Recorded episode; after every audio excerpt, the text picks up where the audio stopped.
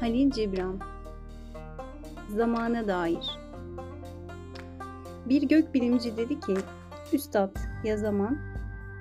O da yanıtladı. Ölçüsüz ve ölçülemez olan zamanı ölçmek istersiniz. Davranışlarınızı ve hatta ruhunuzun yolunu saatlere ve mevsimlere göre ayarlamak, belirlemek istersiniz. Zamandan kıyısında oturup akışını izlediğiniz bir ırmak yaparsınız. Oysa içinizdeki başsız ve sonsuz olan yaşamın başsız ve sonsuzluğunun ayırdığındandır. Bilir ki dün bugünün anısından ve yarın bugünün düşünden başka bir şey değildir.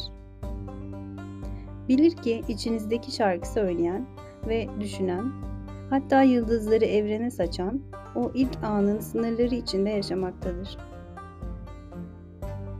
Sevme gücünün sınırsız olduğunu hissetmeyen var mıdır aranızda? Tam da bu aşkı, aşk fikrinden aşk fikrine, bir aşk eğleyişinden başka aşk eğleyişine geçmeyen, sınırsız olsa da varlığının merkezinde tutkulu bu aşkı hissetmeyen var mıdır aranızda?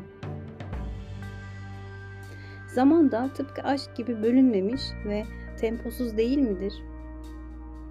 Fakat eğer düşüncenizde zamanı mevsimlerle ölçmeniz gerekiyorsa, bırakın her mevsim bütün diğer mevsimleri sarsın. Bugün geçmişi anılarla, geleceği ise özlemle kucaklasın.